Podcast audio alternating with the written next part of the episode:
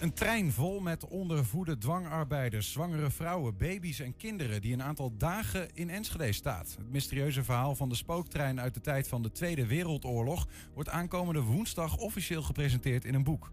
Gisteravond was een bijzonder moment voor Jolanda Bahini uit Enschede. Ze werd namelijk uitgeroepen tot Miss Beauty of Overijssel. Slangenbeek is de grootste wijk van Hengelo, maar moet het doen met een gedateerd wijkcentrum. Als de nieuwe raad straks groen licht geeft, komt daar binnen afzienbare tijd verandering in. Ja, en vorige week donderdag maakte FC Twente de contractverlenging van Ramis Serouki wereldkundig. De man van de wonderschone doelpunten ligt nu vast tot de zomer van 2024. En we lichten opnieuw een bijzondere hulpactie uit vanuit Enschede voor Oekraïne. Het is maandag 21 maart en dit is 120 vandaag. 120. 120 vandaag. Ja, de kiezer heeft gesproken. Hè? Burgerbelangen werd in Enschede met overmacht de grootste partij in de lokale gemeenteraad en is aan zet om een nieuwe coalitie voor vier jaar te vormen. Afgelopen zaterdag vond het zogenaamde duidingsdebat plaats, waarin alle partijen die een zetel in de raad hebben gekregen hun visie gaven op de betekenis van de verkiezingsuitslag. Wat zijn de opties en welke wensen leven er bij die diverse partijen? En iemand die het uh, duidingsdebat heeft gevolgd is collega Wilco Lauwers. Wilco, Goeiedag, ja, we zijn er weer hè? We zijn er weer, we waren er even uit, maar het is technisch hopelijk uh, opgelost. Kunt u nu uh, mee uh, luisteren naar nou ja, wat jij daar hebt gezien afgelopen zaterdag, maar ook wat er de komende tijd allemaal nog op stapel staat als het gaat om formaties en zo. Maar laten we even een klein stapje terug eerst nog doen. Um, afgelopen woensdag de verkiezingsavond. Toen was het, ja, was het wel relatief definitief, maar nog niet helemaal. daarna ook nog niet. Hoe is dat nu wel zo? Ja, nou is het helemaal definitief. Vanochtend is er een zitting geweest van het Centraal Stembureau, zoals dat heet. Uh, Roelof Bleken, de burgemeester, die zit dat voor. En dan gaat hij even alle uh, lijsten af met hoeveel stemmen elke partij heeft gekregen. En ook wie de op basis van voorkeurstemmen in de raad komt. En daar zitten geen veranderingen in. Dus uh, nee, het is helemaal goed gegaan met tellen. Ja. Geen gekke dingen, geen bezwaren ingediend. Burgerbelangen, tien zetels. Tien zetels, D66 van vijf naar drie. En nou ja, ook al die raadsleden die we hebben genoemd, die erin komen, die komen er ook in. Met één uitzondering. Jurgen van Hout die heeft al aangegeven dat hij zijn raadzetel gaat teruggeven. Ja. Dus die gaat sowieso niet in de raad zitten de komende tijd. Dat gaat Henry de Rode doen. Ja, precies. Hij zegt ook van, ja, ik kan niet, uh, als ik acht jaar wethouder ben geweest... Nee. vervolgens in de raad gaan zitten om eigenlijk het, het, beleid van mijn eigen colleges te controleren. Dat vindt hij dan gek. Uh, begrijpelijk, denk ik ook. Um, dan, als we dan die definitieve verkiezingsuitslag hebben... ja, die hebben we al eigenlijk voor heel Enschede al wel gezien... Maar is het ook inmiddels bekend wat er eigenlijk de verschillende buurten hebben gestemd? Welke kleur die krijgen? Ja, nou, buurten wordt lastig, hè? want uh, niet, elk stem, niet elke buurt heeft nog een eigen stembureau. Echt minder nog dan vier jaar geleden. Patmos bijvoorbeeld, die moeten of naar de Sint-Jan of naar de Patmoshal. Dan denk je, Patmoshal is toch Patmos? Nee, formeel ligt de Sint-Jankerk, ligt in Boswinkel. Ja. En uh, Patmoshal ligt in Elverink Heelkamp, zoals de buurt heet. Dus, uh, en dat ligt allemaal best wel wat ver uit elkaar. En dus Patmos stemt heel verdeeld, denk ik. Waardoor je dus niet kunt zeggen, Patmos heeft zo gestemd. En zo geldt het voor meerdere buurten. Uh, maar we hebben, ik kan wel op pascode niveau, kan ik wat zeggen. En de, ik, ik heb twee kaartjes. Ook eentje met de grootste partij, die zien we hier. Ja. Dat is een beetje een saai kaartje, zoals je ziet. Maar je zo. ziet eigenlijk overal het geel ja. van burgerbelangen. Enschede kleurt geel, dat was niks te veel gezegd. Nee, nee, bijna elke pascodegebied in Enschede, uh, en we hebben er 22 zo uit mijn hoofd. Niet allemaal staan ze erop, een paar buitengebieden niet. Dus er zijn er ruim 17 of zo, iets in die buurt. Nou ja, je ziet uh, burgerbelangen is eigenlijk overal wel uh, de grootste, behalve uh, 75-22. Universiteit. Is de universiteit ja. onder andere. Ja, daar is Volt de grootste. En GroenLinks is, ja, um, 75-14, Lares, Lassonde Zegelt en Boddenkamp. Maar dat is het stadskantoor, het stembureau daar. Daar is GroenLinks de grootste geworden. Ja, wat zegt dat over, over dat stukje Enschede? Dat is een soort van enclave tussen al die... Uh, wel, de, de, de studenten, die weten we. Dat, ja. dat die ja, D66... Zou er normaal zijn geweest, hè, ja. Maar nu uh, volt-minded zijn. Ja. Uh, dat pan-Europese spreekt ze vaak aan. Het vooral voor, voor jonge Ja, mensen. maar dit geldt, geldt voor een heel groot gebied. Hè. GroenLinks, D66, uh, Volt nu ook dus erbij. Ja, dat zijn toch een beetje de, de jongere en wat rijkere wijken, om het zo te zeggen. Hè? Um, dat zie je in Laresse, Lassonde Zegelt.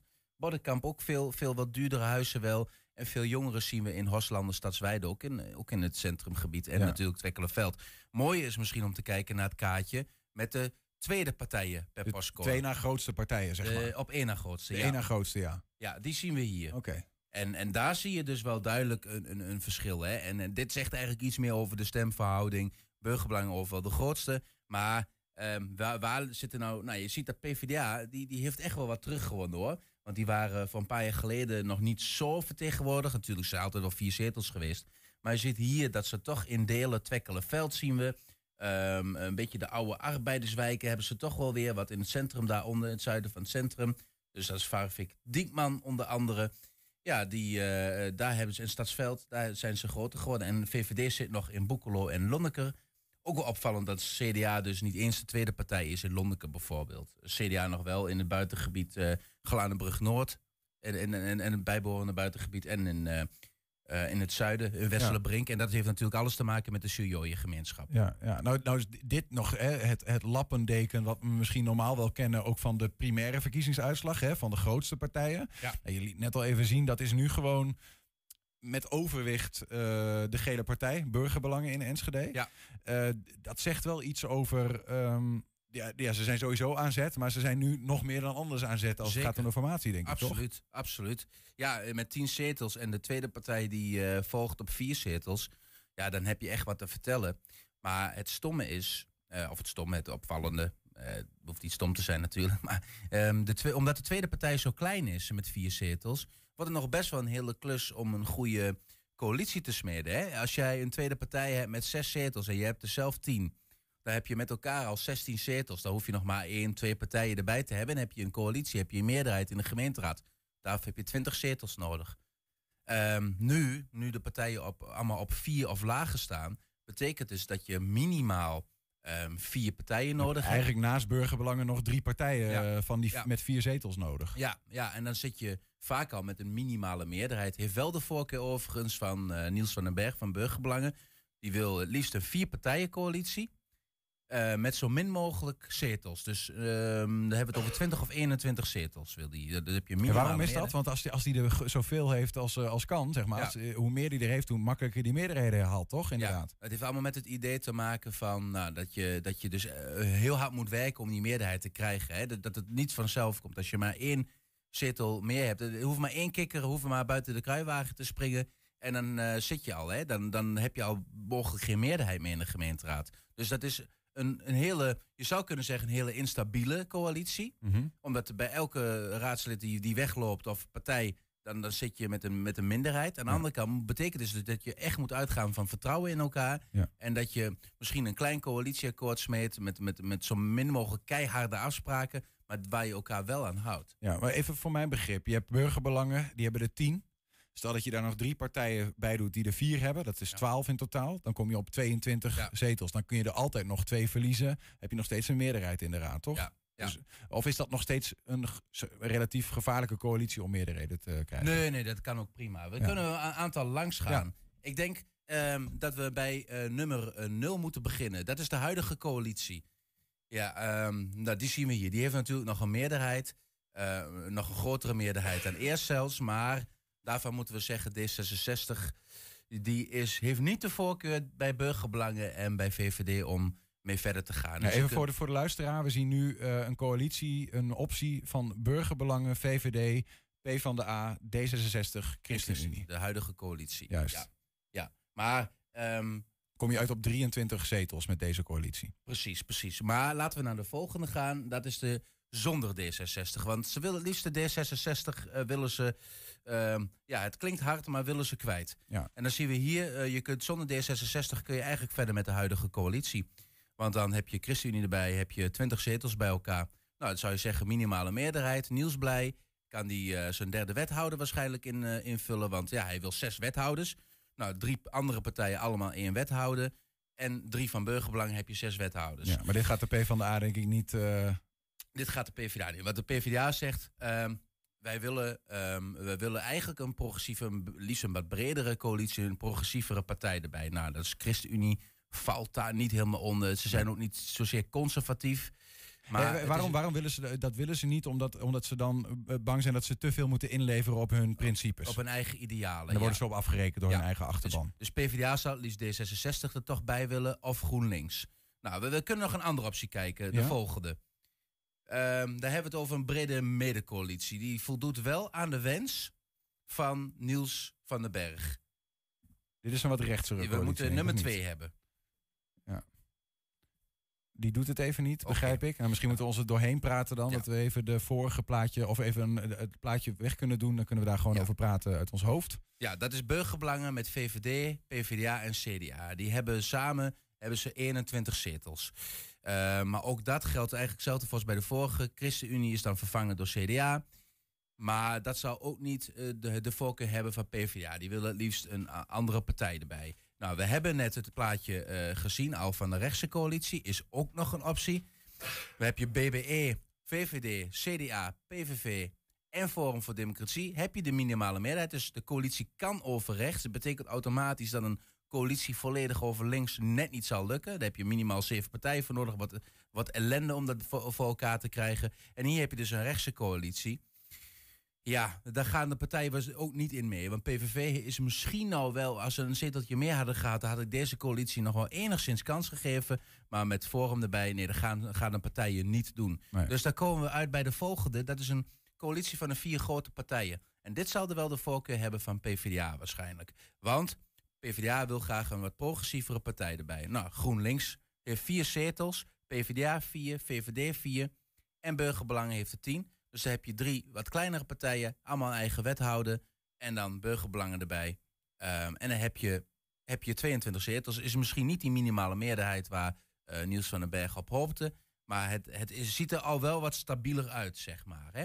Alleen hier is wel de vraag: GroenLinks en PvdA, kan dat? En dan krijg je eigenlijk weer net als nu het blok van, van ChristenUnie, D66 en PvdA, de progressieve partijen, die willen windmolens, eh, even gechargeerd, en die willen eh, noodopvang voor vluchtelingen. En, die, en, en de andere partijen, VVD en BBE, die zeggen, nou, dat mag allemaal wel een tandje Dan meer. zien we eigenlijk de bui al Ja. hangen dat dat in de loop van de vier jaar niet helemaal eh, lekker Nee, zal gaan. Nee, nee, nee. of maar- je moet het weer heel erg dicht timmeren Ja. Van tevoren. En dat is ook waar je niet op zit te wachten in een eh, gezonde nee, democratie. Nee, precies. En, en dus, dus eh, eh, je zou bijna zeggen, hier draait het op uit op de- deze coalitie. Deze zullen misschien straks wel met elkaar verder moeten.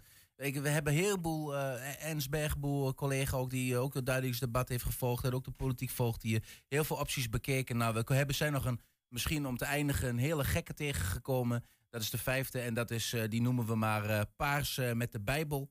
Ehm, omdat ChristenUnie erbij in zit en Volt, ja... Kijk, paars is als een, een, een diverse, eh, hè, als je sociaal en liberaal eh, bij elkaar in hebt. Nou, dat is VVD, PvdA, D66 zat er dan bij in. Dat noemden ze dan toen Paars Plus, omdat D66 erbij kwam. Nou ja, in het landelijk was dat. En de D66 kun je eigenlijk wel zien als een soort Volt, ChristenUnie, PvdA, VVD, Burgerbelangen. Dit, dit zou nog een hele gekke optie misschien kunnen zijn als ze er echt niet met GroenLinks uit kunnen, Mhm. Ja. uit kunnen komen. Ja, dat, dat, maar ja, ook hier ga je dus het verhaal krijgen van dat op sommige echt grote thema's, zoals de energietransitie, dat die partijen op het hoe, hoe gaan we dan duurzame energie opwekken, niet allemaal op één lijn liggen en wat dus hoofdpijndossiers kunnen worden, nu al. Zeker, zeker. En, en de nadeel is, Volt is echt een nieuwe partij. Die zal zich eerst een beetje moeten settelen, denk ik, via een gemeenteraad. Zoals de PVV dat de afgelopen vier jaar heeft gedaan. Eh, bouwen aan iets, hè, zodat je ook over vier jaar misschien weer goed verder kan. Dus je, ik weet niet hoe, het is misschien te riskant om dan meteen in een coalitie te gaan zitten. Ja. Maar je weet het niet. En, en, en Volt is natuurlijk in dat opzicht een, een, een alternatief voor D66. En die heeft toch ook echt wel raakvlakken met bijvoorbeeld de VVD. Dus ik sluit het echt niet uit. Maar als je nu even, je hebt, je hebt die, wat is het, vijf, zes opties. Je hebt een aantal opties gegeven. Als je nou, want je was afgelopen eh, zaterdag, eh, heb je dat duidingsdebat gevolgd. Eh, als je kijkt wat Niels van den Berg als karttrekker van de formatie nu, wat hij ervan zegt. Wat denk je, wat gaat het worden? Dat wordt heel lastig. Hij pleit echt voor een, een minimale meerderheid. Dus ik proef eigenlijk eh, bij Niels van den Berg dat hij misschien wel verder wil met dezezelfde coalitie zonder D66 bijvoorbeeld.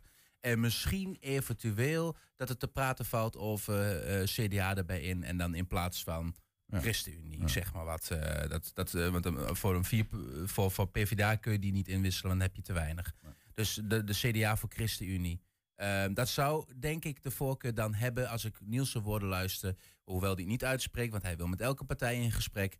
Ehm, maar dan komt het feit, wil PvdA dat? PvdA Precies. zou vasthouden aan GroenLinks. En stel je voor dat die nou helemaal achterover gaat zitten en dat PvdA zegt, ja, zonder GroenLinks gaan we het niet doen. Dan krijgen we echt een hele lastige formatie. Tegelijkertijd zou je kunnen zeggen dat die partijen, zoals PvdA, GroenLinks, als, als burgerbelangen ze nodig heeft, eh, dat ze ook een goede onderhandelingspositie hebben, toch? Jawel, jawel, maar aan de andere kant, hoe graag wil PvdA verder? Hè? Arjan Kam is afgelopen vier jaar wethouder geweest. Hij eh, zal niet onder stoel of banken schuiven dat hij vindt dat zijn werk er nog niet op zit. Dat hij eh, wil doorbouwen. Dus hij wil dat ook wel heel graag. Ja. Ze willen misschien ook wel heel graag verder. En dat geeft ja natuurlijk, dat geeft burgerbelangen weer Ja, een, een onderhandelingspositie. Zonder burgerbelangen kan het niet. Dan heb je zeven partijen nodig, minimaal. Nee. Dat gaat hem niet worden. Dus ehm, de, als er een impasse ontstaat, zal er toch eh, een uitkomst moeten komen. Ik, ik ben heel erg benieuwd. Kort gezegd, komende tijd, want nu hebben we het duidingsdebat gehad. eh, Ja. In een notendop, wat gaat er nu nog gebeuren dan? Er wordt veel gepraat nog. Ja, de komende twee weken worden eerst, want dat loopt ook nog hier aan. Ja, het zijn we heel veel, is een heel politiek, eh, het politieke uurtje nu, hè, maar er komt een raadsagenda aan. En dat, hè, daar hebben we het vaak over gehad, een soort raadsakkoord, thema's die de hele raad belangrijk vindt, waar, ehm, eh, waar, waar ze ook een oplossing met, met die door de hele raad wordt gedragen voor gaan zoeken. En, en ik noem maar even een, concreet thema, bijvoorbeeld afvaloverlast. Die zou daar zomaar bij kunnen zitten. Het is een van de thema's die wij ook hebben opgehaald, wat echt speelt in de stad. Het zou zomaar kunnen zeggen, afvaloverlast, daar gaan we met z'n allen aan werken.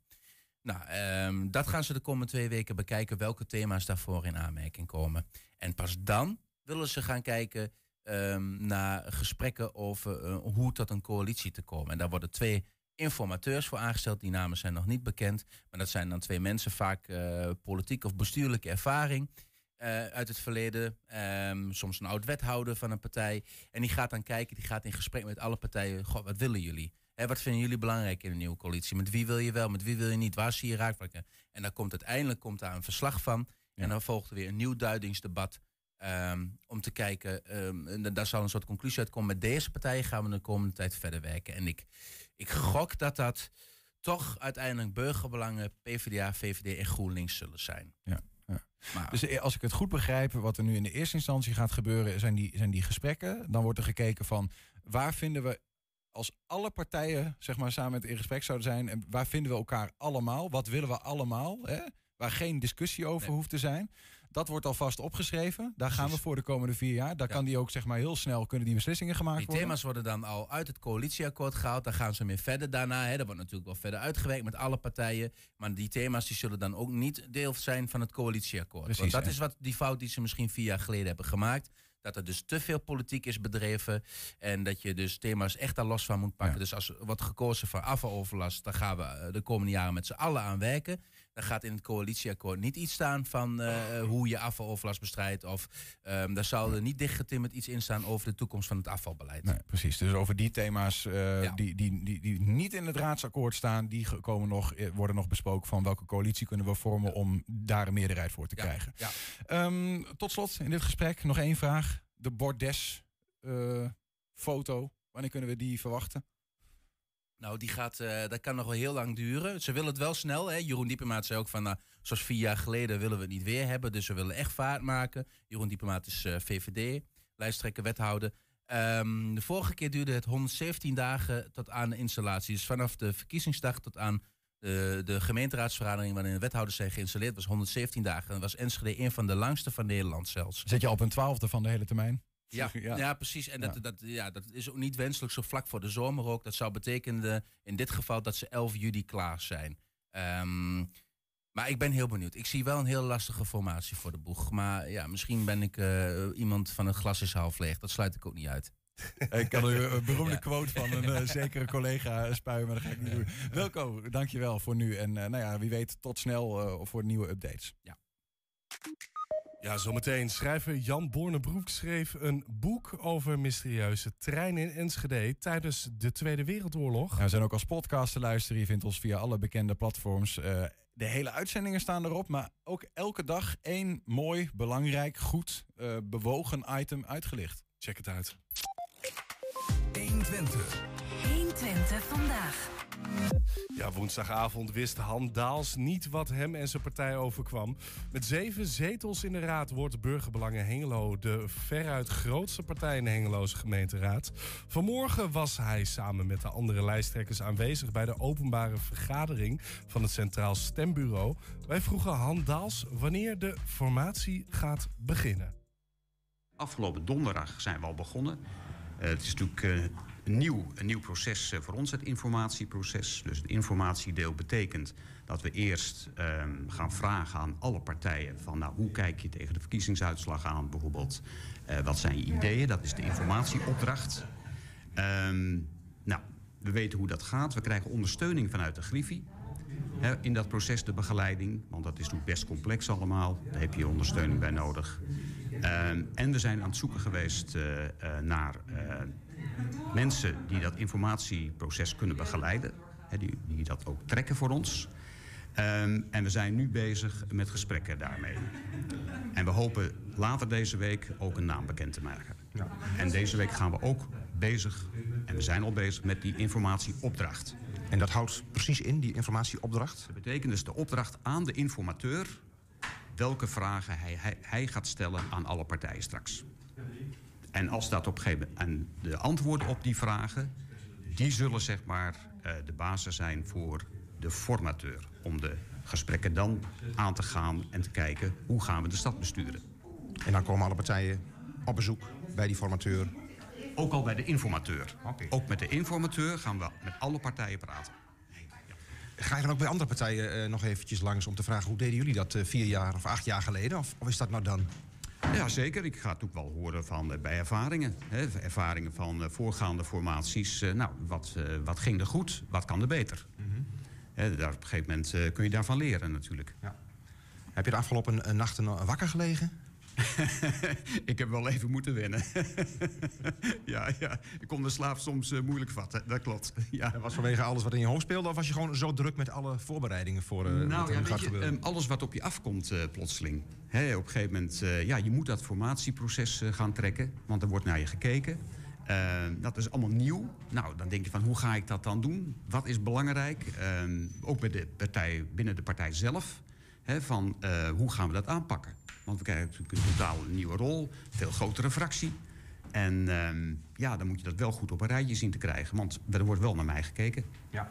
En eh, hebben jullie al nagedacht over eh, wethouderskandidaten? Ehm, dat, is nu nog, dat is nu nog te vroeg. Hè. We gaan eerst maar eens met het informatieproces eh, aan de slag, wat daaruit komt. En dan op een gegeven moment aan het eind komen de, de mensen pas. Want als je dat omkeert en je gaat nu al redeneren vanuit de mensen... ja, weet je, dan gaan de onderwerpen ondersneeuwen. En dat is, geen, dat is niet goed.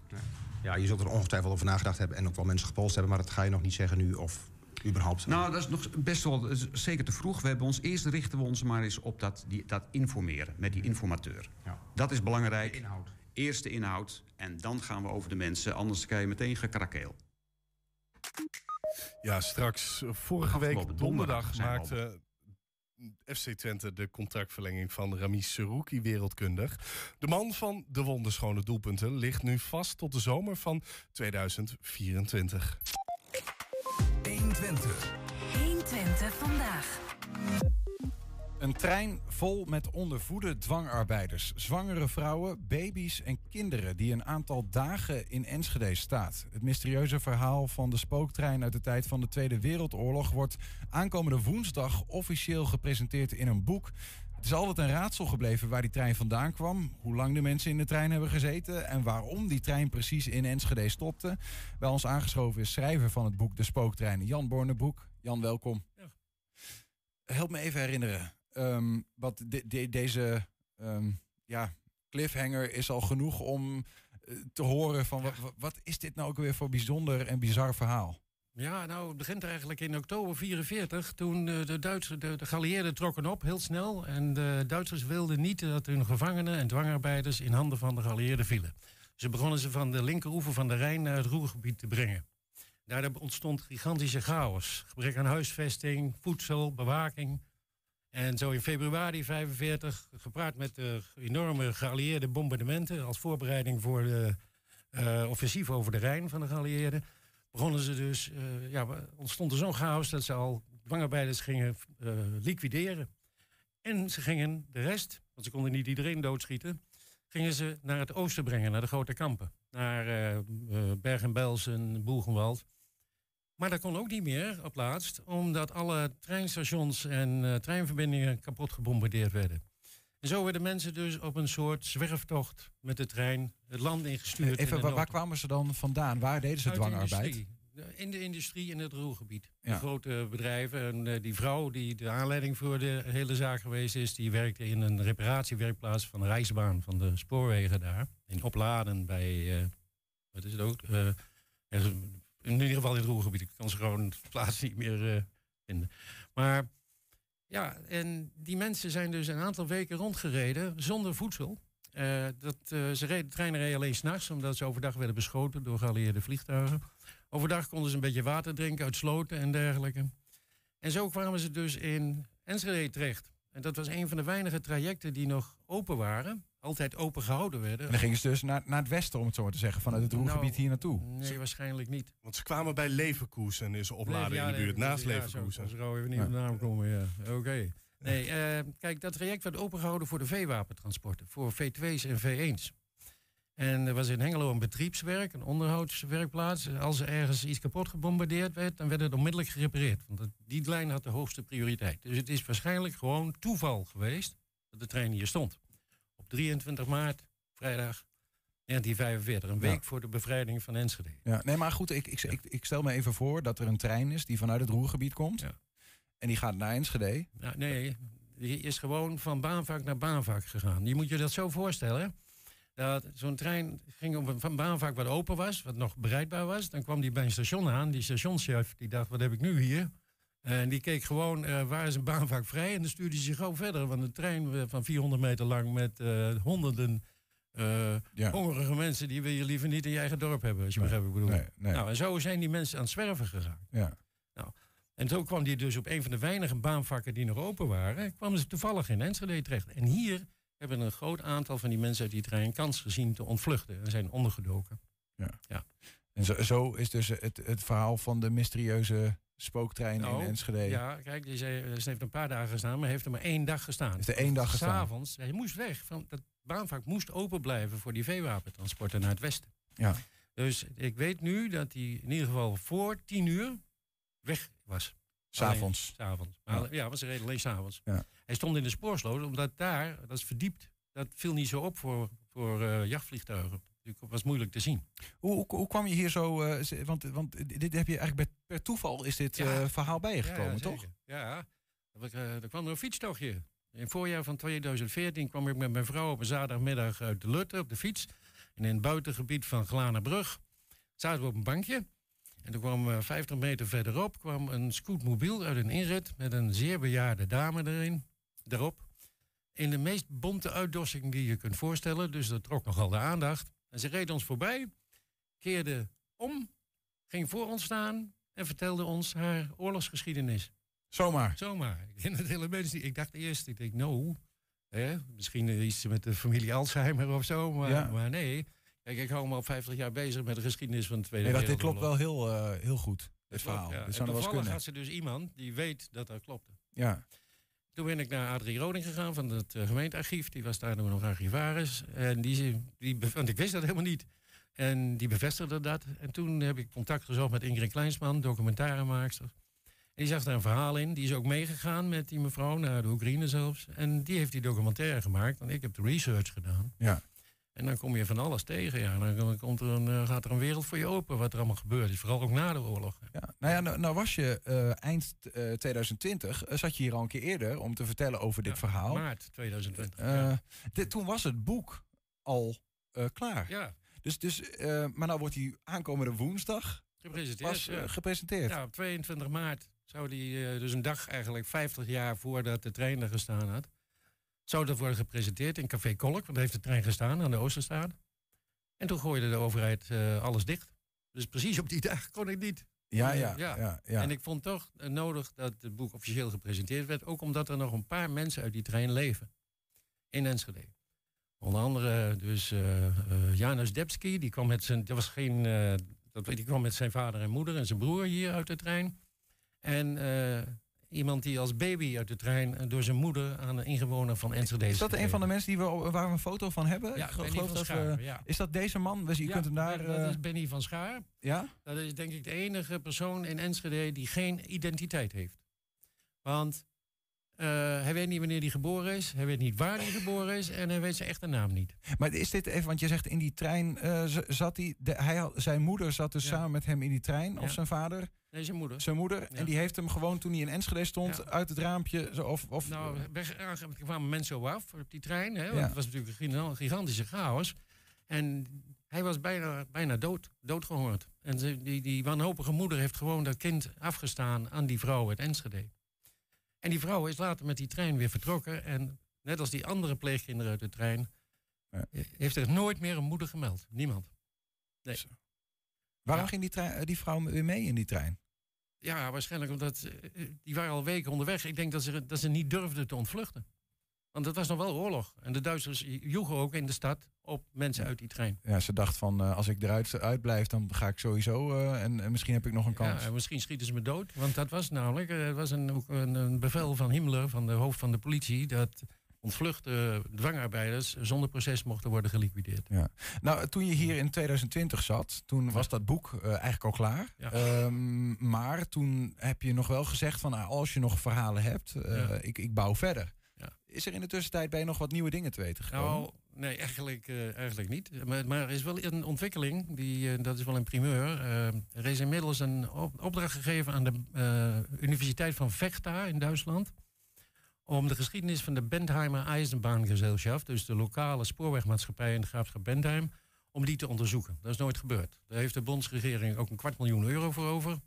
En daar zijn ze nu aan het uitzoeken. En professor Viegenboom uit Münster doet de, de militaire transporten. Ja. En nu hopen we dus dat we kunnen vinden waar die trein gebleven is.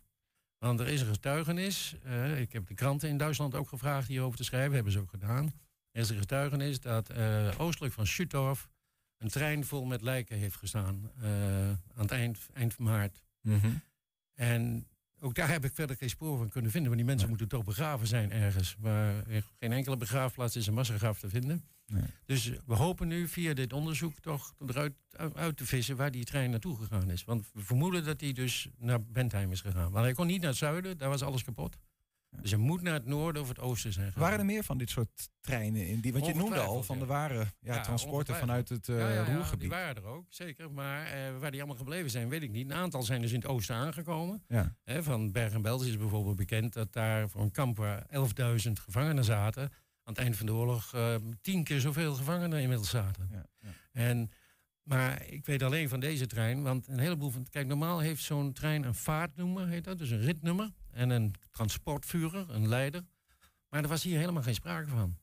Dus dit is, dit is gewoon echt een spooktrein. Dus je is ook niet terug te Je weet vinden. ook niet wie hem eh, bestuurd heeft of wat dan ook. nee. Dus, eh, ja. eh, we weten ook niet, eh, hij kwam niet in de dienstregeling voor. Nee. Wat, wat betekent het eigenlijk? Wat je zegt, er zijn nog een aantal mensen die overlevenden zijn, die echt in die trein zaten. Er zullen ook mensen zijn die op een of andere manier familie zijn geweest van iemand ja, ja, die. We hebben een heleboel van die mensen bezocht. Wat betekent het voor die mensen dat jij, dat jullie hè, in een boek, maar ook in een documentaire, dit verhaal proberen tastbaar te maken? Ja, nou, eh, dat vinden ze eigenlijk wel mooi. Want ze hebben nooit erkenning gehad voor hun problemen. Dat was ook de motivatie van die oude mevrouw. Ze heeft dat verhaal bij de bankje waarschijnlijk aan talloze mensen verteld... die allemaal gedachten van die oude skierenwiet. Zij zat ook Ja. in die trein? Of- Ja, zeker. Ja. Ja. Ja, ja, ja, Maar ze was al ouder. Ze was toen ze toen ik haar ontmoette, 91. En een jaar later is de documentaire vertoond. En twee maanden later is ze overleden. Toen was het goed. Weet je waarom ze dat verhaal, waarom ze op die scoopmobiel, toe, jullie kwamen, ze kwamen langs jullie, waarom ze zich omdraaiden en dat verhaal ging vertellen? Eh, ze wou gewoon erkenning. Ze was gefrustreerd. Kijk, eh, ze heeft nooit erkenning gehad. Ze heeft ook nooit schadevergoeding gehad. N- dus dat zat heel diep. En dat was blijkbaar haar motivatie. En, eh, en het is ook wel tekenend dat ze twee maanden na, nadat de première was van de documentaire dus overleed. Want toen, toen had ze vrede. Ja. Ja. Tot slot, eh, Jan, komende woensdag, dan wordt het Ja. boek officieel eh, gepresenteerd. Ja, dankzij de Oudheidkamer Twente, de vereniging, die heeft dat mogelijk gemaakt. Hier bij de museumfabriek. De, de- daar gaat het ook gebeuren, de Ja. presentatie. Ja, ja. Eh, wanneer zal het zijn? Om half acht s'avonds, uh, woensdagavond, is de zaal open. En om acht uur beginnen we. En dan vertoon ik de documentaire. Vrij toegankelijk voor. Ja, is gratis. Ook dankzij de vereniging. Ja. Ja. Dat, want ik kan er zelf allemaal niet weer bekostigen. En eh, na de documentaire, na de pauze, dan doe ik nog een PowerPoint. En dan leg ik uit dus het, wat er verder nog eh, uitgekomen is. Ja.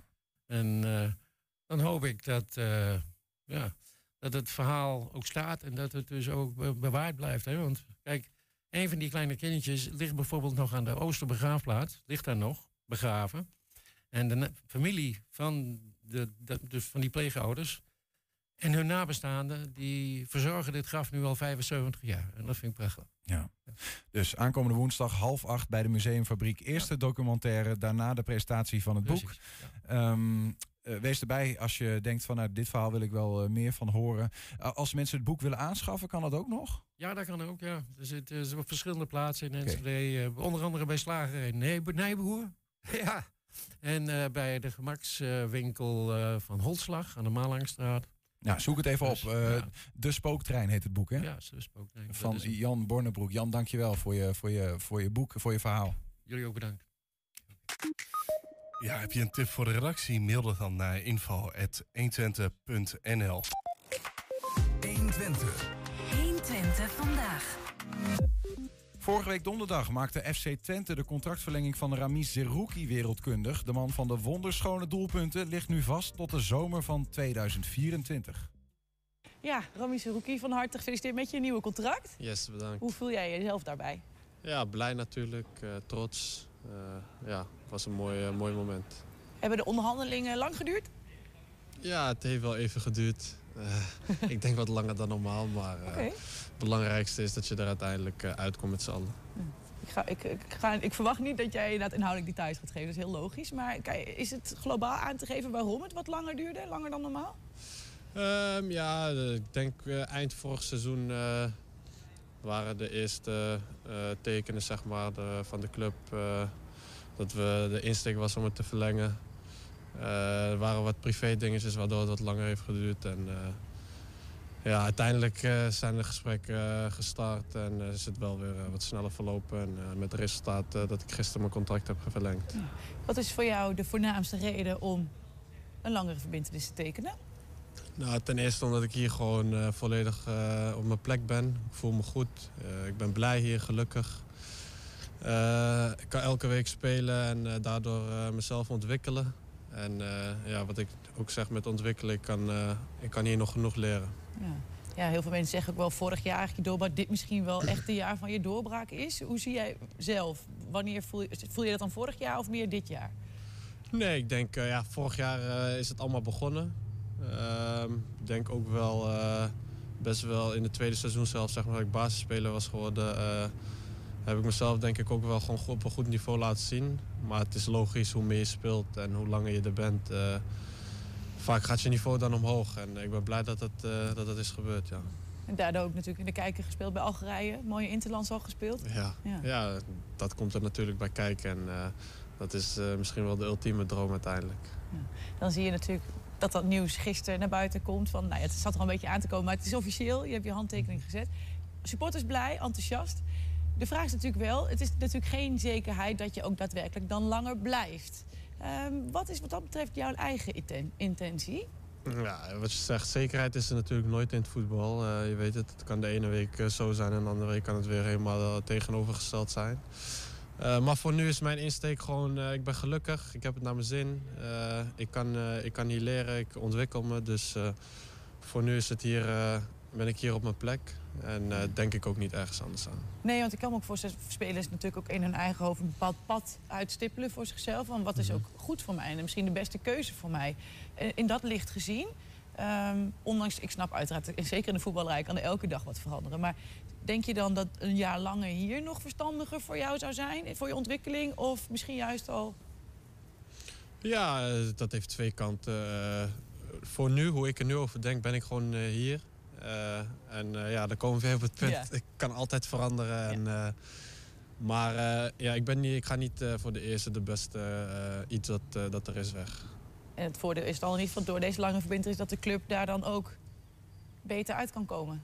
Ja, dat is, dat is mooi voor de club. maar, Heeft dat voor jou meegespeeld? Ja, tuurlijk. Ik ben hier gekomen op best wel ja, jonge leeftijd, dus, eh, 17 jaar. En eh, zij hebben mij wat gegeven en eh, dan eh, hoop je natuurlijk uiteindelijk ook wat terug te kunnen doen. En eh, laten we hopen dat dat uiteindelijk ook gaat gebeuren.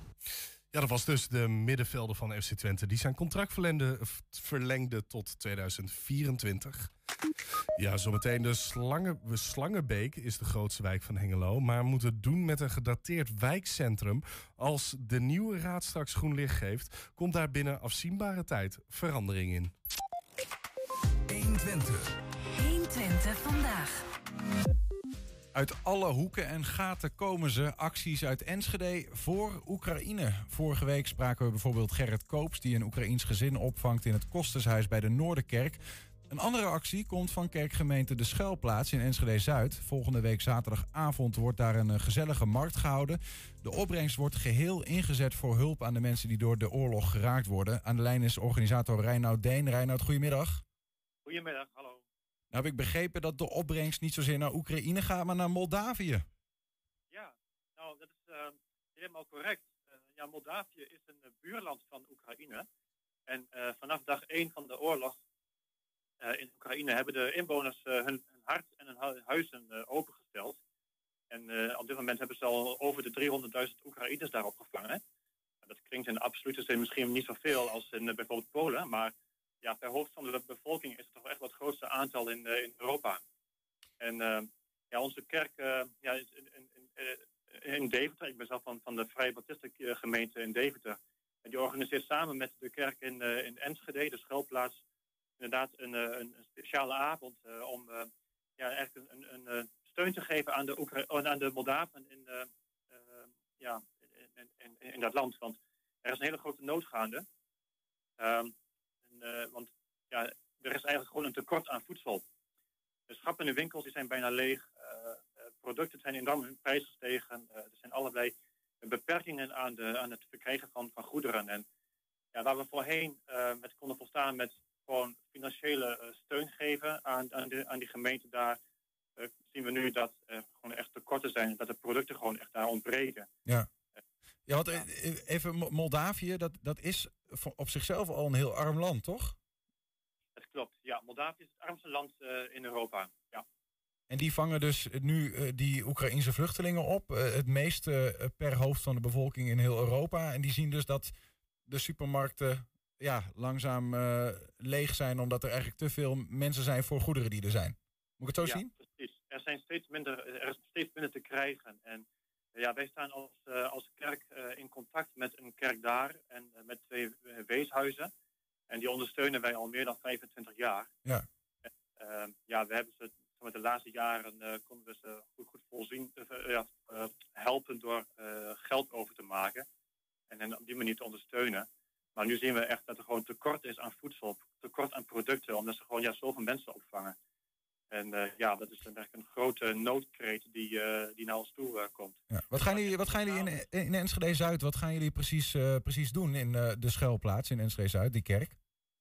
Ja, er wordt een benefietavond gehouden. Die zal zijn vanaf 6 uur s avonds. Op 2 april? op 2 april, dat klopt, ja. En ehm, daar, daar, daar zullen ja, allerlei kraampjes zijn waar gewoon lekker eten te krijgen is. Mensen hebben daar heerlijke producten gemaakt, eetkraampjes. Maar ook verkoop van, uh, van spullen van, de, van je zolderopruiming of de schuur of de garage. Uh, er wordt mooie muziek gemaakt. Uh, dus je kunt lekker eten, maar je kunt er ook gewoon gaan, gaan shoppen. Dus gewoon daar je eigen spullen komen verkopen. En ja, de hele opbrengst daarvan is bedoeld om het werk eigenlijk te ondersteunen. Om ja, echt goederen eten naar Moldavië te brengen. Moet ik het ook zo zien dat als ik nog ja, iets heb in de kast wat naar Moldavië kan, dat ik dat ook kan inleveren? Of is het zo dat, ik, dat, jullie, dat je daar spullen verkoopt en met, je, met de opbrengst kopen jullie dan weer spullen die je in een vrachtwagen naar Moldavië stuurt? Ja, dat laatste is eigenlijk de insteek. Ja. Maar mocht je inderdaad spullen hebben en je zegt nou die wil ik graag uh, gewoon uh, afleveren om bijvoorbeeld uh, te, te laten verkopen bijvoorbeeld of om, om aan Moldavië zelf te geven, dan is dat zeker mogelijk. Um, en daar is ook een, hebben een speciaal contactadres voor, een e-mailadres. Mm -hmm. Um, ik zal hem anders even noemen. Dat is uh, Benefit 2022. En dan at hotmail.com. Oké, okay, Benefit 2022 at hotmail.com. Dus als je uh, vragen hebt over hoe je kunt helpen, uh, volgende week zaterdag, hè, als je een kraampje wil waar je spullen kunt verkopen, of als je meer wil weten over de avond, of wat dan ook, dan kun je daar naartoe mailen. Ja, precies. En het doel is echt om, om echt de, de, zo snel mogelijk uh, gewoon een vrachtwagen vol te krijgen met uh, houdbaar voedsel, hygiëneproducten, maar ook uh, slaapspullen. En dat is echt het doel om die mensen daar een hart onder de riem te steken. Ja, precies. Maar ook, ook als je gewoon de, even een soort van gezellige ja, markt wil bezoeken... waar je wat ja, spulletjes ja. kunt kopen en waar je muziek hoort en, en, eten krijgt en dat soort dingen... dan kun je ook terecht, denk ik, hè, volgende week zaterdag. Ja, zeker. Ja, dat is echt gewoon een hele fijne, sfeervolle avond daar. Met, eh, ook met muziek, uh, suikerspinnen te krijgen. En, nou ja, het is uh, gewoon een hele gezellige happening moet het worden. Ja. Zijn er ook uh, mensen uit Oekraïne zelf eigenlijk? of wat, wordt er nog iets over verteld, over, over de actie of wat er allemaal speelt? Ja, op die avond zelf zal er zeker ook daar informatie over worden gegeven. En nu is het ook zo dat als er Oekraïners zijn die, die daar ook naartoe willen komen, die zijn al een uurtje eerder welkom, vanaf vijf uur. Dus die, wordt ook speciaal ook opgevangen en ja, daar wordt ook speciale aandacht aan gegeven. Dus uh, ja, Kijk, absoluut. helder. Um, dus volgende week zaterdag 2 april vanaf 6 uur in uh, de schuilplaats, de kerk De Schuilplaats in uh, Enschede Zuid. En je kunt contacten via benefiet 2022 apenstaatje hotmail.com. Reinoud Deen, dankjewel en succes met jullie actie. Hartelijk bedankt. Tot ziens. Ja, gisteravond won de Enschedese Jolanda Bahini de titel van Miss Beauty of Overijssel... en mag zich nu opmaken voor de landelijke finale op 2 juli. Wie die finale wint mag Nederland vertegenwoordigen... bij de internationale finale in het najaar. 120. 120 vandaag. Zei, zei ik iets vaak finale? Nee, wat is daar dan mee met haar? Oh, dan... Uh, uh, Mijn, uh, mijn idee. Ben ik daar overheen geskipt? Dat weet ik niet. We hebben ergens gezegd. Zometeen gaan we met haar praten, denk ik. Dat is het idee. Ja, toch? we gaan zo meteen met haar ah, praten. Ja, mijn excuses. Maar eerst gaan we naar iets anders, want Slangenbeek is de grootste wijk van Hengelo, maar moet het doen met een uh, gedateerd wijkcentrum. Als de nieuwe gemeenteraad straks groen licht geeft, dan komt daar binnen afzienbare tijd verandering in. Een architect heeft onlangs een schets gemaakt met daarin een prominente plek voor een laagdrempelige, ontmoeting, laagdrempelige ontmoetingsruimte. Bob Eskes, voorzitter van de wijkraad Slangenbeek, leidde ons rond door het gebouw.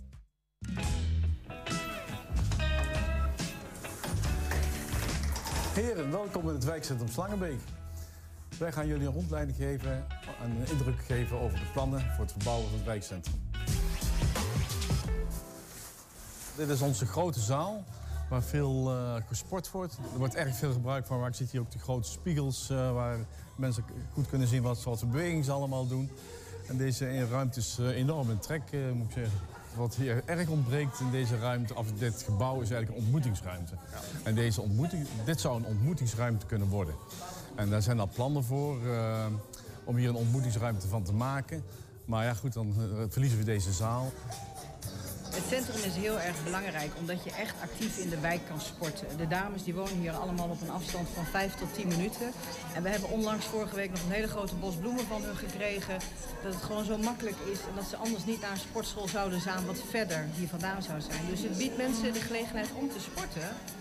En ja, het zet ook toe aan omdat het dicht in de buurt is. Het maakt het allemaal een stukje makkelijker. Wij zijn dolblij met het wijkcentrum. Evelien, heb jij de sloten van sporthal?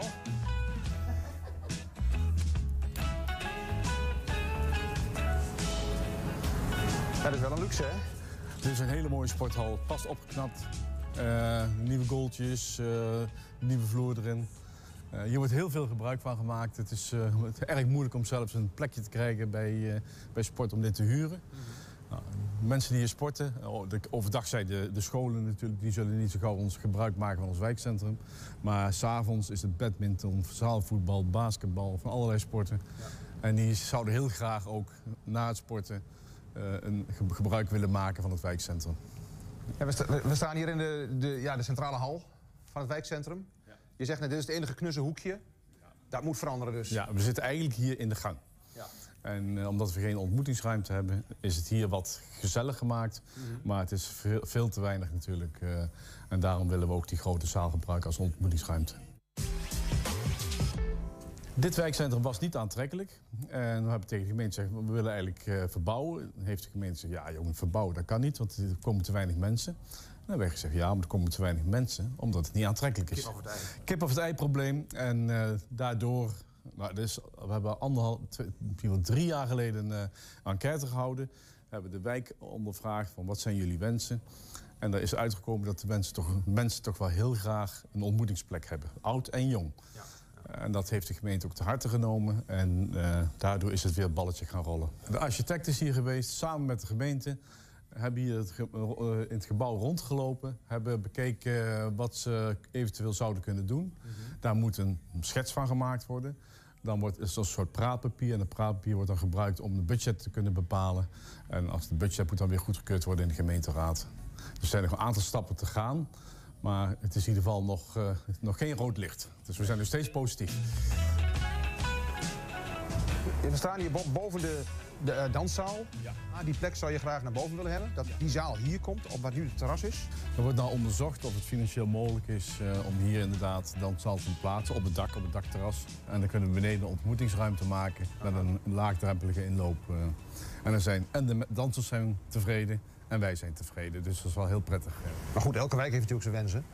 Ja, maar deze, hier is eh, jaren en jaren niks aan gebeurd aan, eh, aan opknappen of renovatie. Mhm. Dus dit eh, is echt aan de beurt momenteel. Ja, en het is een hele grote wijk. Heel, het is de grootste wijk van Hengelo. Eigenlijk is het heel raar dat de grootste wijk van Hengelo geen goede voorziening heeft qua wijkcentrum. Hasselen S is prima, Sterrentuin is prima, He- Hengeloze S is prima. Ja, alleen dit is een beetje ja, verouderd, zeg maar. Moet aangepast worden, gemoderniseerd worden. Taak voor het nieuwe gemeentebestuur straks. Ja, en wij als, als wijkraad zitten continu te pushen om het voor elkaar te krijgen.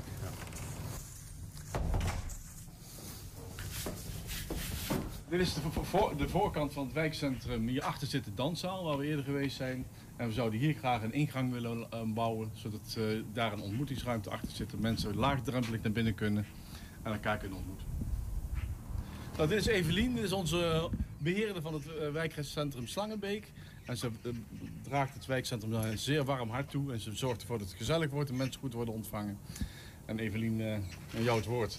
Ja, nou, we hopen eh, dat we een heel mooi eh, nieuwe ontmoetingsruimte krijgen in het wijkcentrum. Want dat is hard nodig voor meer gezelligheid, voor jong en oud. En we hopen echt dat we iets moois kunnen creëren. En dat het gewoon weer, net zoals de cultuurs of de Hasles of de Sterrentuin... dat we gewoon weer een wijkcentrum krijgen voor jong en oud. En dat, daar gaan we voor. Dus mensen die gewoon eh, winkelen of eh, een boodschap hebben gedaan... die denken van, god, we gaan even koffie drinken, krantje lezen. Eh, ja, dat gebeurt hier dus niet, omdat het niet, niet gezellig is. En dat, ja, dat, is, eh, dat is gewoon jammer. 120. 120 vandaag. Een bijzonder moment was het gisteravond voor Jolanda Bahini uit Enschede. Ze werd uitgeroepen tot Miss Beauty of Overijssel 2022. En we hebben haar eh, aan de Zoom. Jolanda, welkom. Hey, goedemiddag. Gefeliciteerd hoor. Ja, applausje vanuit onze Dankjewel. studio. Zo, je bent in vol ornaat, zie ik. Ja, klopt. Zo, wat heb je allemaal? eh, wat heb je allemaal? Ik zie een tiara, ik zie een, eh, een sjerp, heet het geloof ik, hè? Ja, klopt. Chef inderdaad. Ja. De- w- wat is dat eigenlijk voor eh, verkiezing Miss Beauty of Overijssel? Wat betekent dat? Wat ben je nu? Eh, nee, ik ben nu eh, de miss van de provincie Overijssel. Eh, dat betekent dat ik doorga naar de finale van Miss Beauty of the Netherlands. Dus ehm, ja, uiteindelijk de uiterste miss. En dan ga ik eh, nou ja, eh, tegen andere finalisten strijden voor de titel met andere provincies. Kijk, had je hem verwacht dat je, dat je de titel zou krijgen gisteren? Of dit weekend? Eh, Gisteravond? nee, ik, had, ik had wel in gedacht dat ik het wel ver zou eh, krijgen, maar ehm, echt uiteindelijk te winnen, dat was wel een eh, droom dat waar is gekomen. Eh, ja. Dan word je vanochtend eh, eh, wakker. Dan ben je officieel Miss Beauty of Overijssel. Die heb je dan alvast in je pocket. Eh, hoe voelt dat? Ja.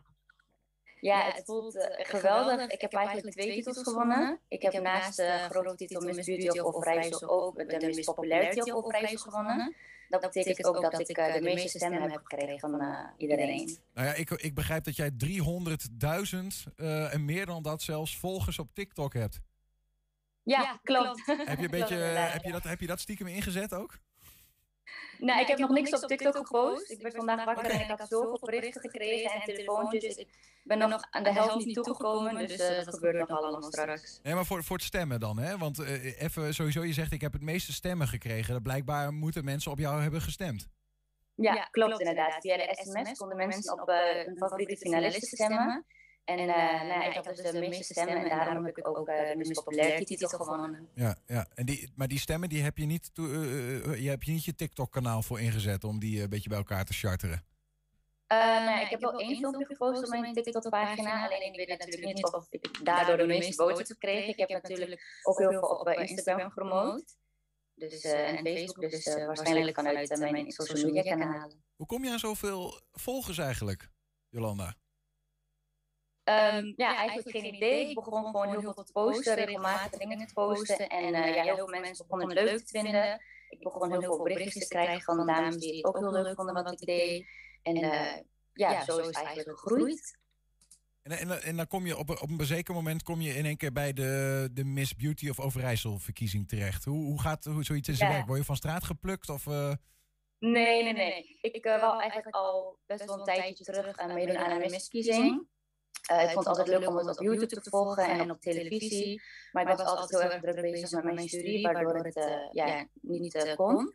En toen was ik twee maanden geleden net klaar met mijn studie. En toen werd ik toevallig gescout door de president van de organisatie, Bjorn van Schomberg.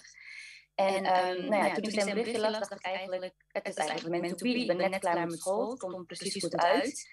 Dus, dus ik dacht, uh, nu kan ik het uh, 100% geven. Je zegt, dan werd ik toevallig gescout. Uh, hoe, hoe gaat zoiets dan? Uh, nou ja, ze hebben een uh, pagina, dus Beauty of Overijssel Scouting Page.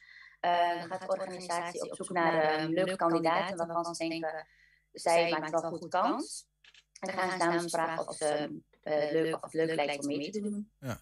Ja, je, je, maakte niet alleen kans, je won de titel zelfs uh, gisteravond. Ja. Weet je eigenlijk, ja, dat is misschien een beetje ongemakkelijk om van jezelf te zeggen. Maar waarom uh, ben jij het geworden? Waarom ben ik Miss Beauty geworden? Uh, nou, ik denk dat ik de, de term powervrouw wel uitstraal.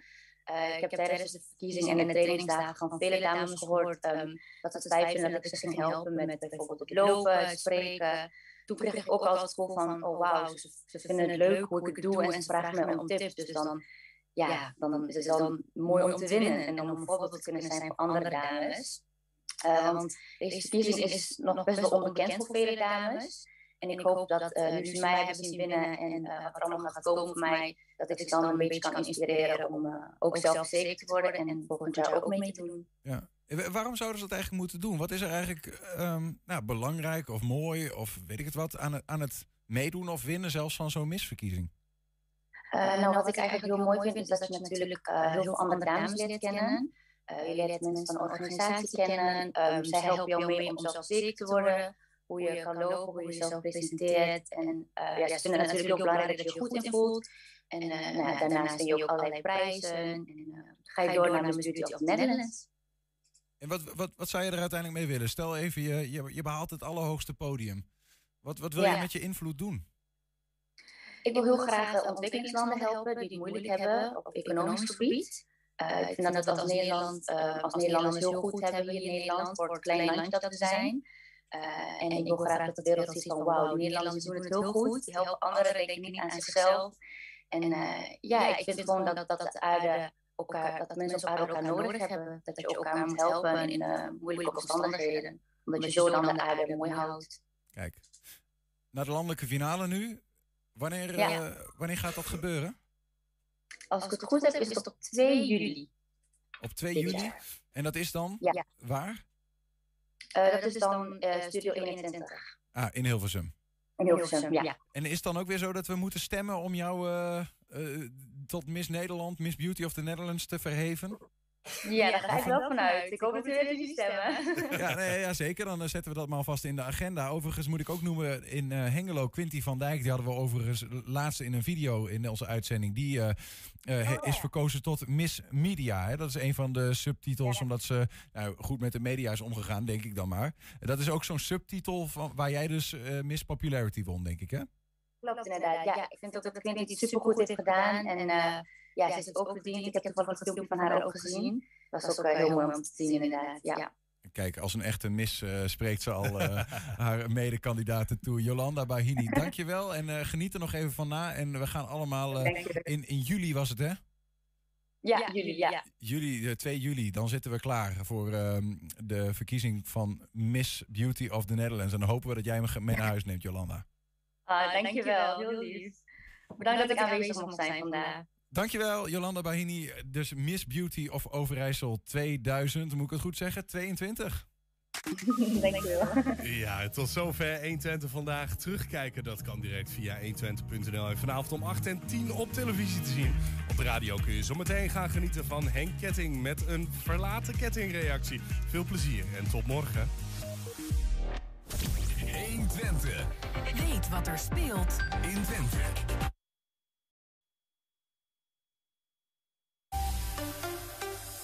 Goedemiddag, ik ben Peter van Oudheusden. Rusland stelt minder strenge eisen aan Oekraïne, zegt de Israëlische premier Bennett. De regering van president Zelensky zou aan mogen blijven en demilitariseren. Afziet van NAVO-lidmaatschap. Bennett heeft als enige westerse leider sinds het begin van de oorlog